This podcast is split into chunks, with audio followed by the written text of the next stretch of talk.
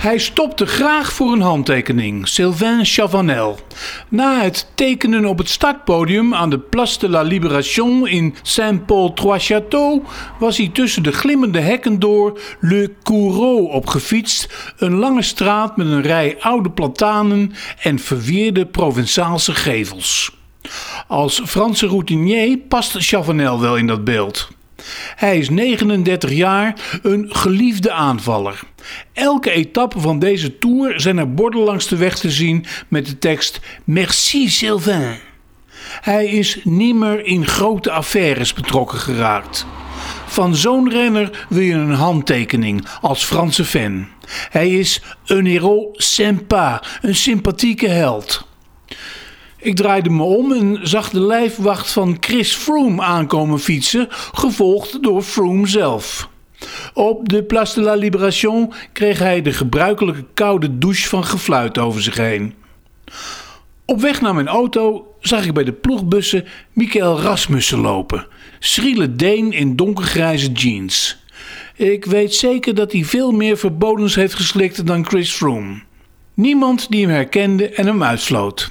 Het is alweer zo lang geleden, 2007, toen Rasmussen in de gele trui met het woord Rabobank erop uit de Tour werd gezet, een paar dagen voor de gedroomde triomf in Parijs.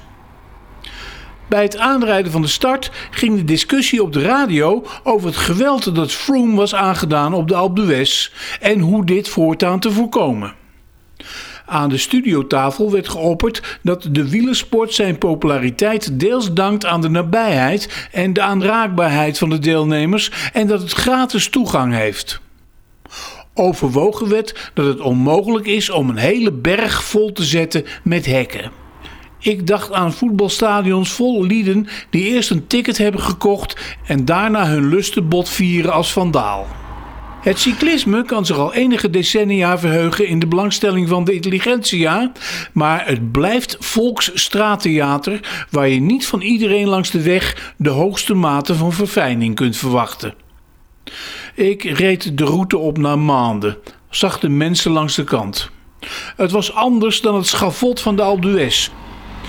De weg ging eerst langs de geweldige kloven en wateren van de Ardèche en daarna door de weerbarstige ruigte van de Cevennes. Het was vakantie en zonnig en in internationaal gemengd collectief met een forse hoeveelheid Nederlanders en Belgen stonden ook veel Fransen klaar om te joelen en te juichen, te klappen en te dansen en de sprinkhanen snaterden mee. Er stond een auto langs de kant met een doek met de tekst: Hier is de zomer. Euforisch was het, zorgeloos en blij. Natuurlijk hing er ook een bord met het rijm: Sky dehors pour que le tour vive encore. Zoiets als Sky eruit, zodat de tour weer levendig fluit. Van de Franse publieksfavoriet Romain Bardet had ik in L'Equipe een passende observatie gelezen. Hij zei: Het fietsen is zeker de sport waar de renners het meest toegankelijk zijn. Er moet voor worden gezorgd dat het zo blijft, het aan te moedigen, zonder dat het gaat ontaarden. Het is onaanvaardbaar dat bepaalde geïsoleerde gedragingen de sportieve strijd verstoren. Het gaat om eerbied en waardigheid, zodat de Tour een feest blijft. Aan de finish, hoog op het vliegveld van Maanden, heb ik de belaging van Tom Dumoulin meegemaakt. Het waren geen opdringerige fans, maar nieuwsgierige journalisten uit allerlei landen. Het gaf aan hoeveel positieve aandacht de Nederlander trekt. De top 3 van het klassement was gefinished als 30ste, 31ste, 32ste. Froome, Dumoulin, Thomas. Dumoulin nam ruim de tijd voor de pers in grote toegankelijkheid en openheid. Hoe het met hem ging?